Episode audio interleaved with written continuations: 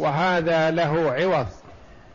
ولا يضر المرء ولا يضر المرء إذا لم يكن فيه تضييع لأموال المسلمين متعمدا. والتفليس الثاني تفليس أخروي وهو الخسارة الأبدية السرمدية في الدار الآخرة. وهذا التفليس لا عوض له ومآله مآل صاحبه إلى النار والعياذ بالله. يقول النبي صلى الله عليه وسلم للصحابة رضي الله عنهم أتدرون من المفلس؟ قالوا يا رسول الله المفلس فينا من لا درهم له ولا متاع. المفلس الذي ليس له دراهم ولا أمتعة. فقال عليه الصلاة والسلام لا ولكن المفلس من أمتي من يأتي يوم القيامة بأعمال أمثال الجبال أو بحسنات أمثال الجبال. ويأتي وقد شتم هذا ولطم هذا وأخذ مال هذا وسفك دم هذا. فيؤخذ لهذا من حسناته وهذا من حسناته فإن فنيت حسناته ولم ولم يقض ما عليه أو ولم يقض ما عليه أخذ من سيئاتهم فطرحت عليه فطرح في النار أو كما قال صلى الله عليه وسلم. هذا هو المفلس في الحقيقة. له حسنات أمثال الجبال أم حسنات كثيرة لكن عليه حقوق أكثر. تؤخذ حسناته لغيره منا من يعمل الصالحات لغيره والعياذ بالله. لأنه يتعرض للمسلمين بيده وبلسانه فتؤخذ حسناته مقابل ذلك. وقد قال عليه الصلاة والسلام المسلم من سلم المسلمون من لسانه ويده. هذا نوع من أنواع التفليس وهو الذي لا عوض له وهو الخسارة الأبدية والعياذ بالله. النوع الثاني كما قلنا هو التفليس الدنيوي وهو أن يكون المرء بيده مال وعليه ديون ولا يفي ماله بديونه.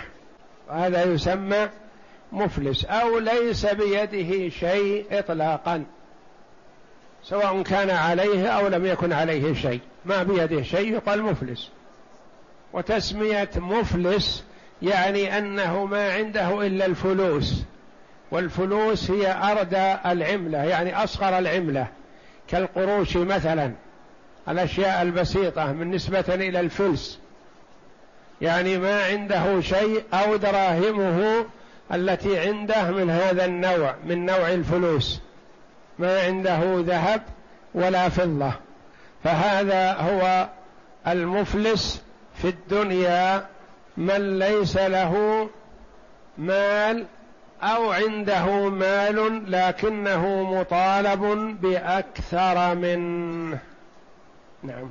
ومن لزمه دين مؤجل لم يجز مطالبته به لأنه لا يلزمه أداؤه قبل أجله. نعم. ولا يجوز الحجر عليه به لأنه لا يستحق المطالبة به.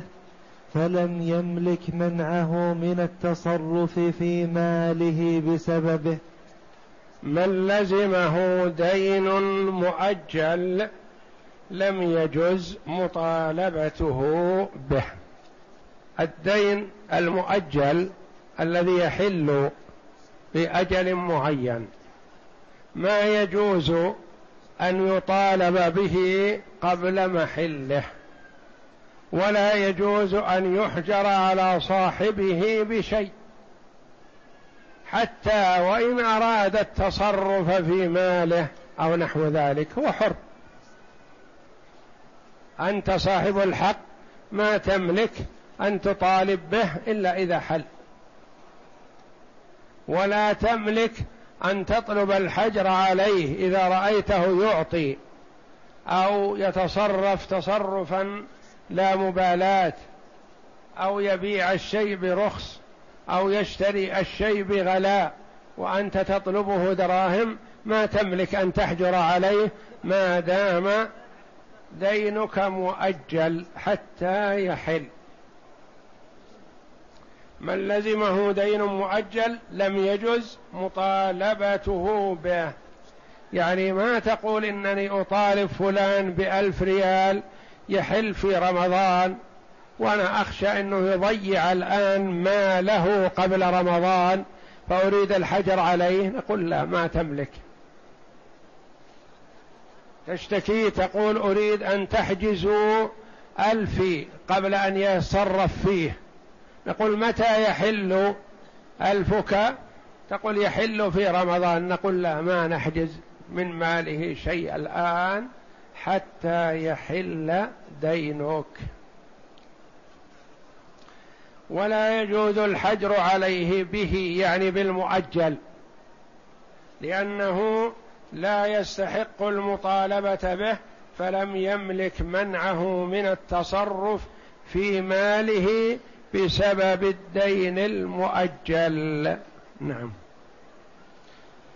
فإن أراد سفرا يحل دينه قبل قدومه منه فلغريمه منعه إلا برهن أو ضمين ملي لأن لأنه ليس له تأخير الحق عن محله. وفي السفر تأخيره. فإن أراد سفرا يحل دينه قبل قدومه منه فلغريمه منعه. الرجل يتجهز للسفر وعليه دين يحل في خمسة عشر جماد الثاني. ومن المعلوم أن هذا السفر الذي يريد التوجه إليه يستغرق جماد الثاني كله ورجب. فلصاحب الحق أن يمنعه. يقول امنعوه. يريد أن يسافر وسفر هذا بعيد وسيحل حقي قبل أن يعود فيمنع من السفر. فله منعه حينئذ لأن سفره هذا يفوت عليه حقه. فإن التزم من أراد السفر بأن يحضر كفيلا أو ضامنا فلا بأس بذلك. لأن لأن القصد هو ضمان تسليم الحق لصاحبه عند محله. فإذا عرف أن الكفيل أو الغارم أو الضامن سيسلم الحق عند محله فلا يمنع من السفر. أو قال أسلمك رهن. وإذا حل الأجل فبع الرهن واستوف حقك واحفظ لي الباقي فلا مانع. وبدون هذا يمنع. يقول لا تسافر لأن سفرك هذا يفوت الحق على صاحبه. وكل هذا من أجل العناية بحقوق الآخرين. وأنه يجب على المسلم أن يهتم بالدين الذي عليه. ولا يتساهل أو يفرط. لأن حقوق الآدميين مبنية على المشاحة يعني هو يريد حقه. ونحن معه حتى يستوفي حقه.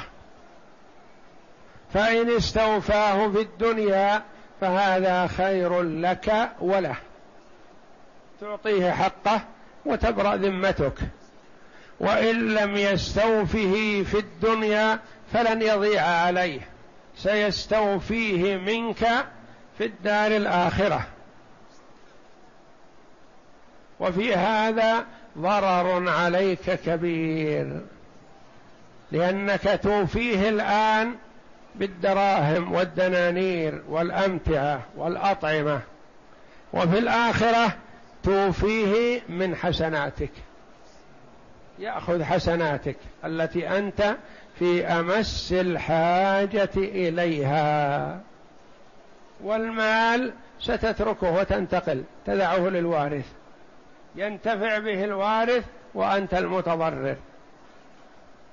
ولهذا جعلت الشريعة لصاحب الحق مقال كما قال عليه الصلاة والسلام. وجعل لصاحب الحق أن يمنع الرجل من السفر. وإذا حل ولم يسدد وهو مليء حل عرضه وعقوبته. حل سبه والكلام فيه وفي عرضه. وحلت عقوبته حبسه وتعذيبه حتى يسدد الحق الذي عليه. كل هذا من باب العناية بحقوق الآخرين وأنه لا يجوز للمسلم أن يتساهل في حق الغير. وإن لم يكن كذلك ففيه روايتان إحداهما له منعه. لأن قدومه عند المحل غير متيقن ولا ظاهر فملك منعه منه كالأول. والثانية ليس له منعه لأنه لا يملك المطالبة به في الحال ولا يعلم أن السفر مانع منها عند الحلول فأشبه السفر القصير. وإن لم يكن كذلك. يعني السفر يستغرق وقت لكنه ليس بطويل. قد يعود قبل محل الدين وقد يستغرق السفر المدة كلها فلا يعود من سفره إلا بعد محل الدين. الرجل مر على صاحبه وهو يتجهز للسفر. قال له ماذا تريد؟ قال أريد أن أسافر. قال إلى أين؟ قال إلى مكان كذا وكذا. قال متى تعود؟ قال أعود إن شاء الله في نهاية جماد الثانية. والدين يحل في نهاية جماد الثانية. قال يا أخي ديني قال أنا أعود عند محل دينك. وقت حلول دينك أنا أرجع إن شاء الله. هذا فيه روايتان.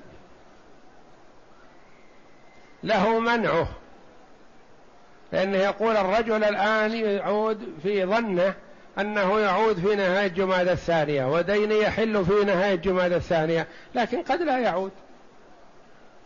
إذا قال أعود في جماد الثانية قد لا يعود إلا في منتصف رجب. فله منعه. لأنه محتمل ألا يعود عند محل الدين فيفوت الحق على صاحبه. القول الثاني أنه ليس له منعه لأنه سيعود حسب الظاهر قبل محل الدين أو مع محل الدين. فلا يمنعه مثل لو أراد أن يسافر يوما أو يومين والدين يحل في نهاية جماد الثانية. هذا لا إشكال فيه أنه لا يمنعه. ما دام أن سفره لمدة يوم أو يومين فلا يمنعه. لكن إذا كان سفره مع عودته مع محل الدين ففي هذا روايتان عن الإمام أحمد إحداهما له منعه لأنه محتمل ألا يعود فيفوت الحق على صاحبه. الرواية الثانية أنه ليس له منعه لأنه سيعود في ظنه فإذا عاد استوفى الدائن حقه نعم. وإن كان الدين حالا والغريم معسرا لم تجز مطالبته لقول الله تعالى وإن كان ذو عسرة فنظرة إلى ميسرة. وإن كان الدين حالا والمدين معسر فهل يحبس؟ هل يطالب؟ هل يتبع؟ يلاحق؟ قال لا. لما؟ لأنه ما يستطيع السداد ولا يملك. وثابت إعساره. ومعلوم لدى الخاص والعام أن هذا الرجل معسر. والله جل وعلا يقول في كتابه العزيز وإن كان ذو عسرة فنظرة إلى ميسرة. أنظره حتى ييسر الله له سدادا. إذا لا تحل المطالبة في حالتين. الحالة الأولى إذا كان الدين مؤجل. فلا تحل المطالبة لأنه مؤجل. ولا يحجر على المدين لأن الدين مؤجل. ولا يمنع من السفر إذا كان سفره قصيرا. الحال الثانية أن يكون الدين حالا لكن الرجل معسر معلوم أمره واضح جلي. فهذا لا يطالب ولا يحبس ولا يتبع حتى ييسر الله له سدادا. يبقى معنا حالة ثالثة هي حالة الحلول مع إمكان القضاء للدين أو لبعضه. فحالات المدين ثلاث أن يكون الدين مؤجل وهذا ما يطالب به.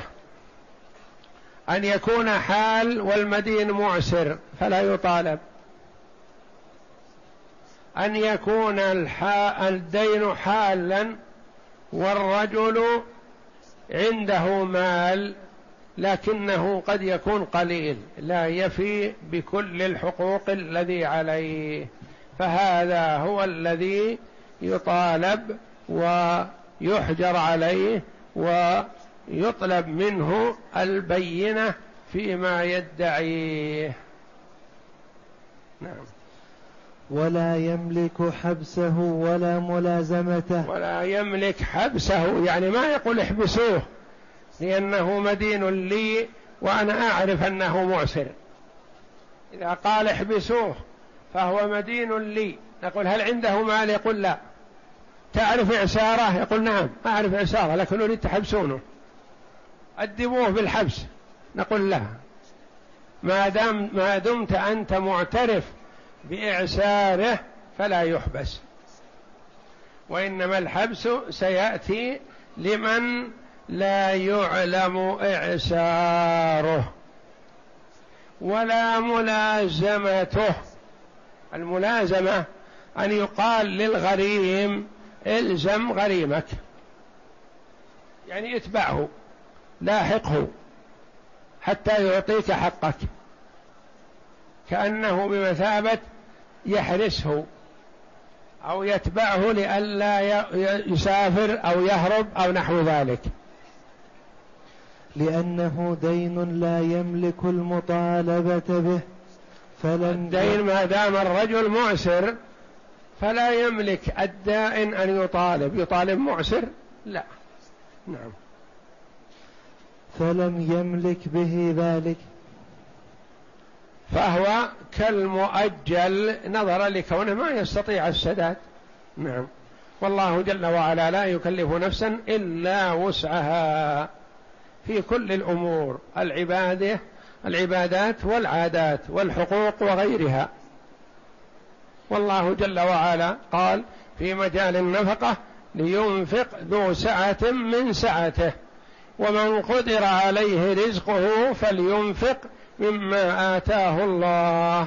لا يكلف الله نفسا إلا ما آتاها.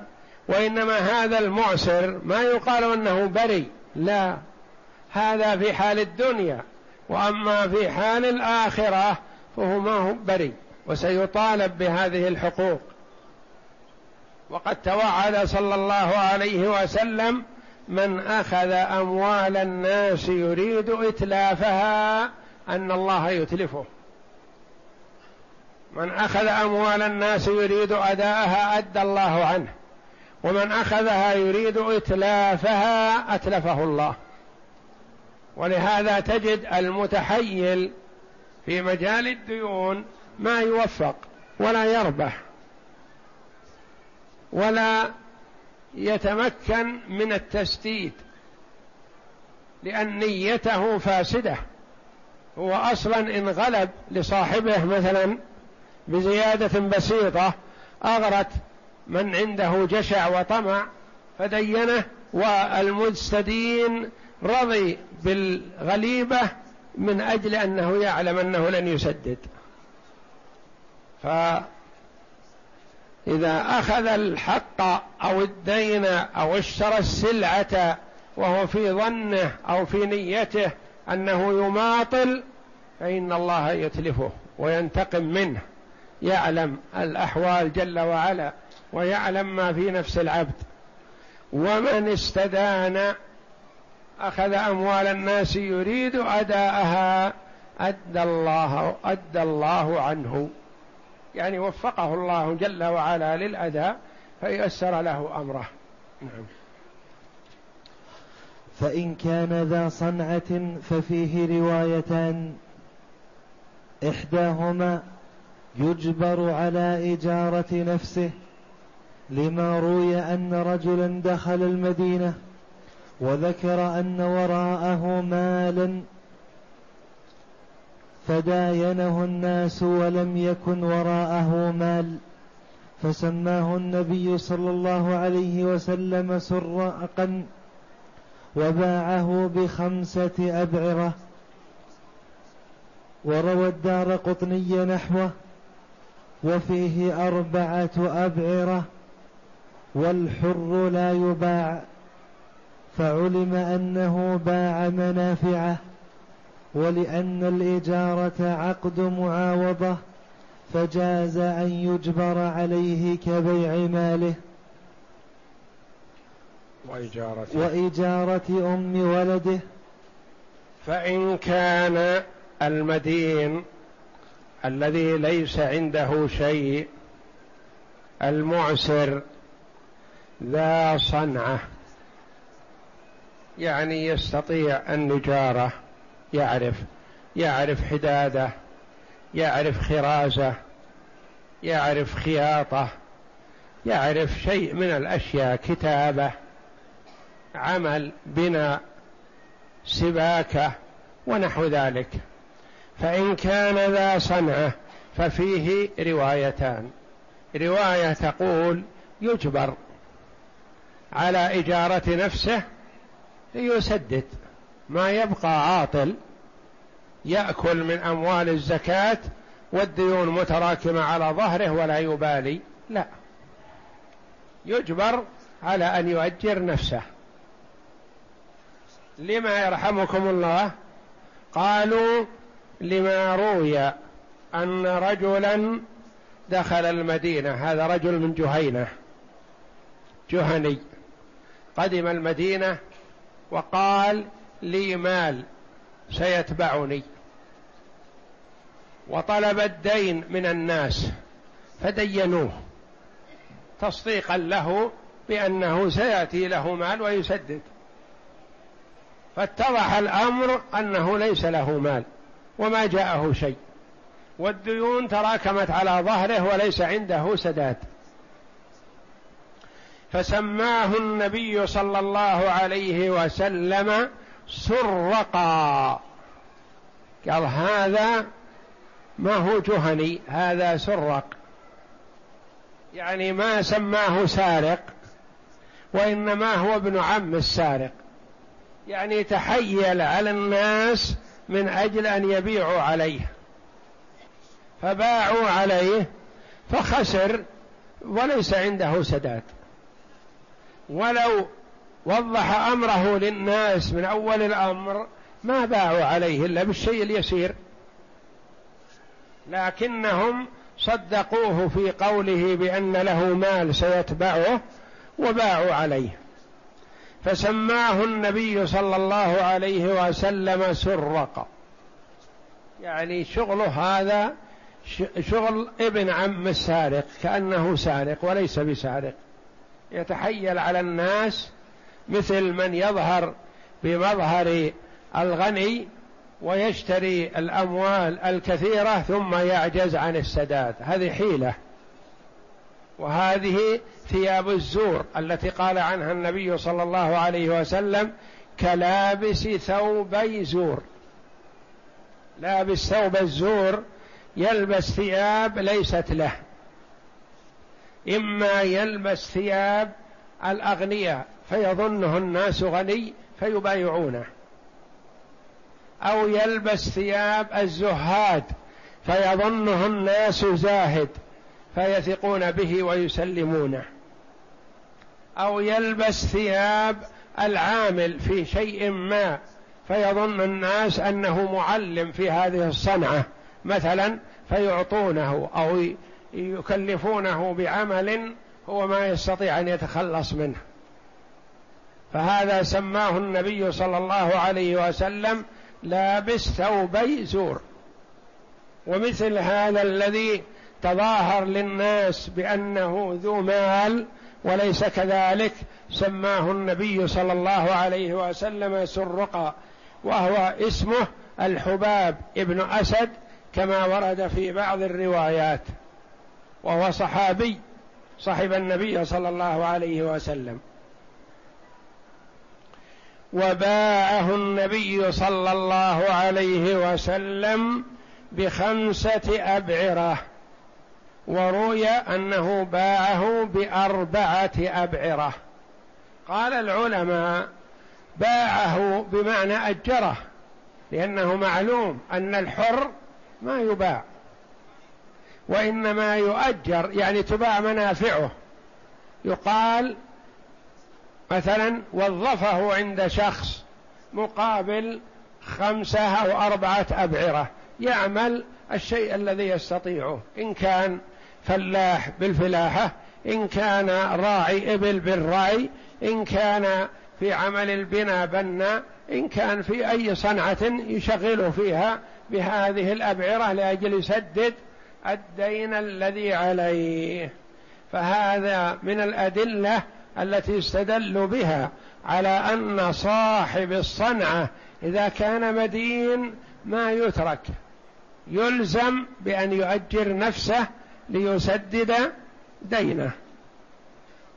والحر لا يباع لأن النبي صلى الله عليه وسلم ما يمكن أن يبيعه يكون رقيق لا.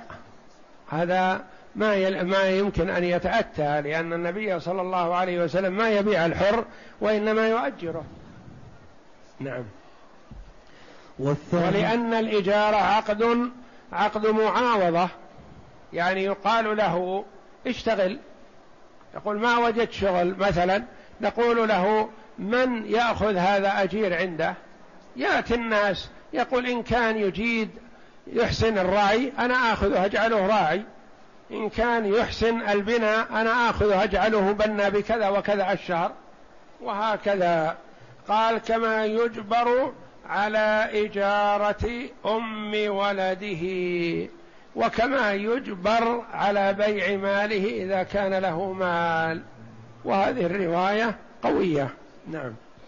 وثب في ثمار ابتاعها فكثر دينه فقال النبي صلى الله عليه وسلم تصدقوا عليه فتصدقوا عليه فلم يبلغ وفاء دينه.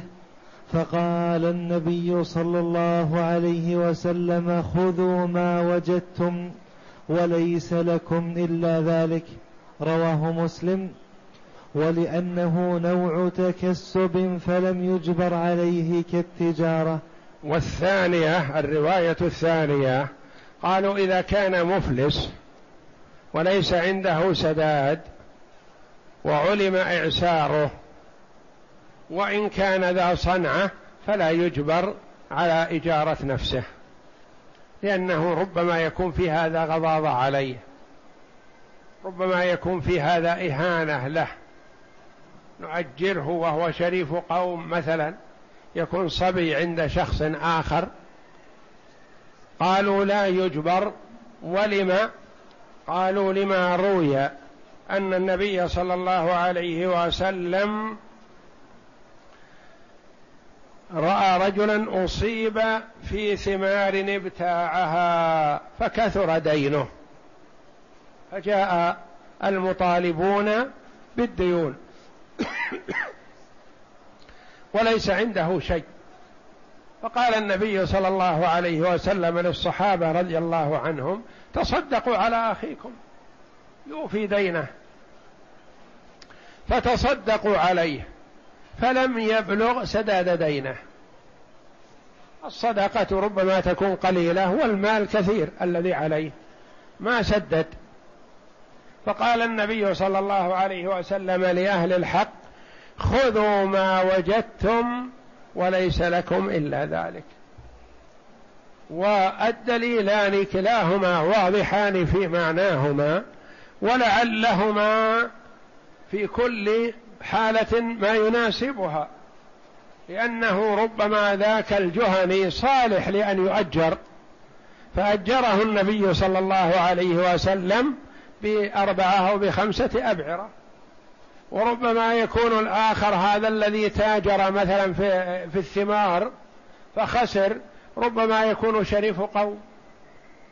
مثل معاذ بن جبل رضي الله عنه أعسر في زمن النبي صلى الله عليه وسلم وهو الذي أقسم له النبي صلى الله عليه وسلم إنه يحبه. قال يا معاذ والله إني لا أحبك.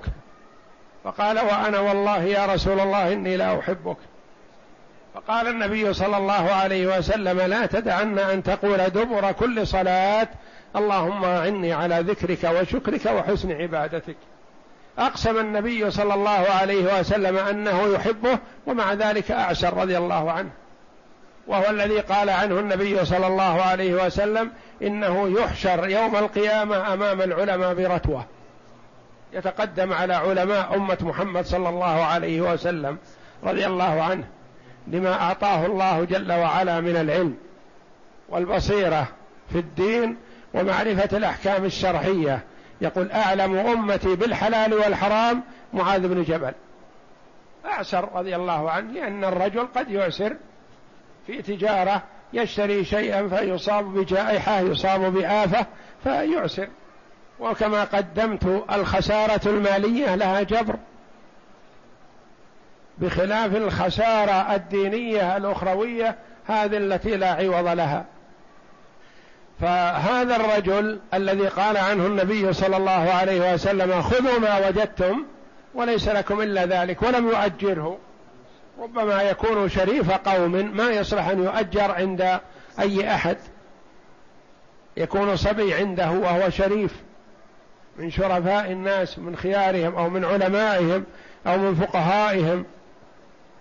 ولأنه نوع تكسب فلم يجبر عليه كالتجارة. يعني أن التكسب من حيث هو ما يجبر المرء على أن يقال له تكسب. تكسب. اشتغل. لا. إن أحب أن يشتغل ربح واستفاد وإن أحب أن يترك فلا يجبر على العمل وإنما يجبر على أداء الواجبات فقط. وإنما ما يجبر على أن يقال ادخل السوق وبيع واشتر لا. فلا يجبر على هذا. ففي المعسر إذا كان يمكن تأجيره فيه روايتان ولعلها مبنية على هذين الحديثين. إن كان يمكن تأجيره أجر وإن كان لا يمكن تأجيره فلا يؤجر وينظر فيه إلى الميسرة. والله أعلم. وصلى الله وسلم وبارك على عبده ورسول نبينا محمد وعلى آله وصحبه أجمعين.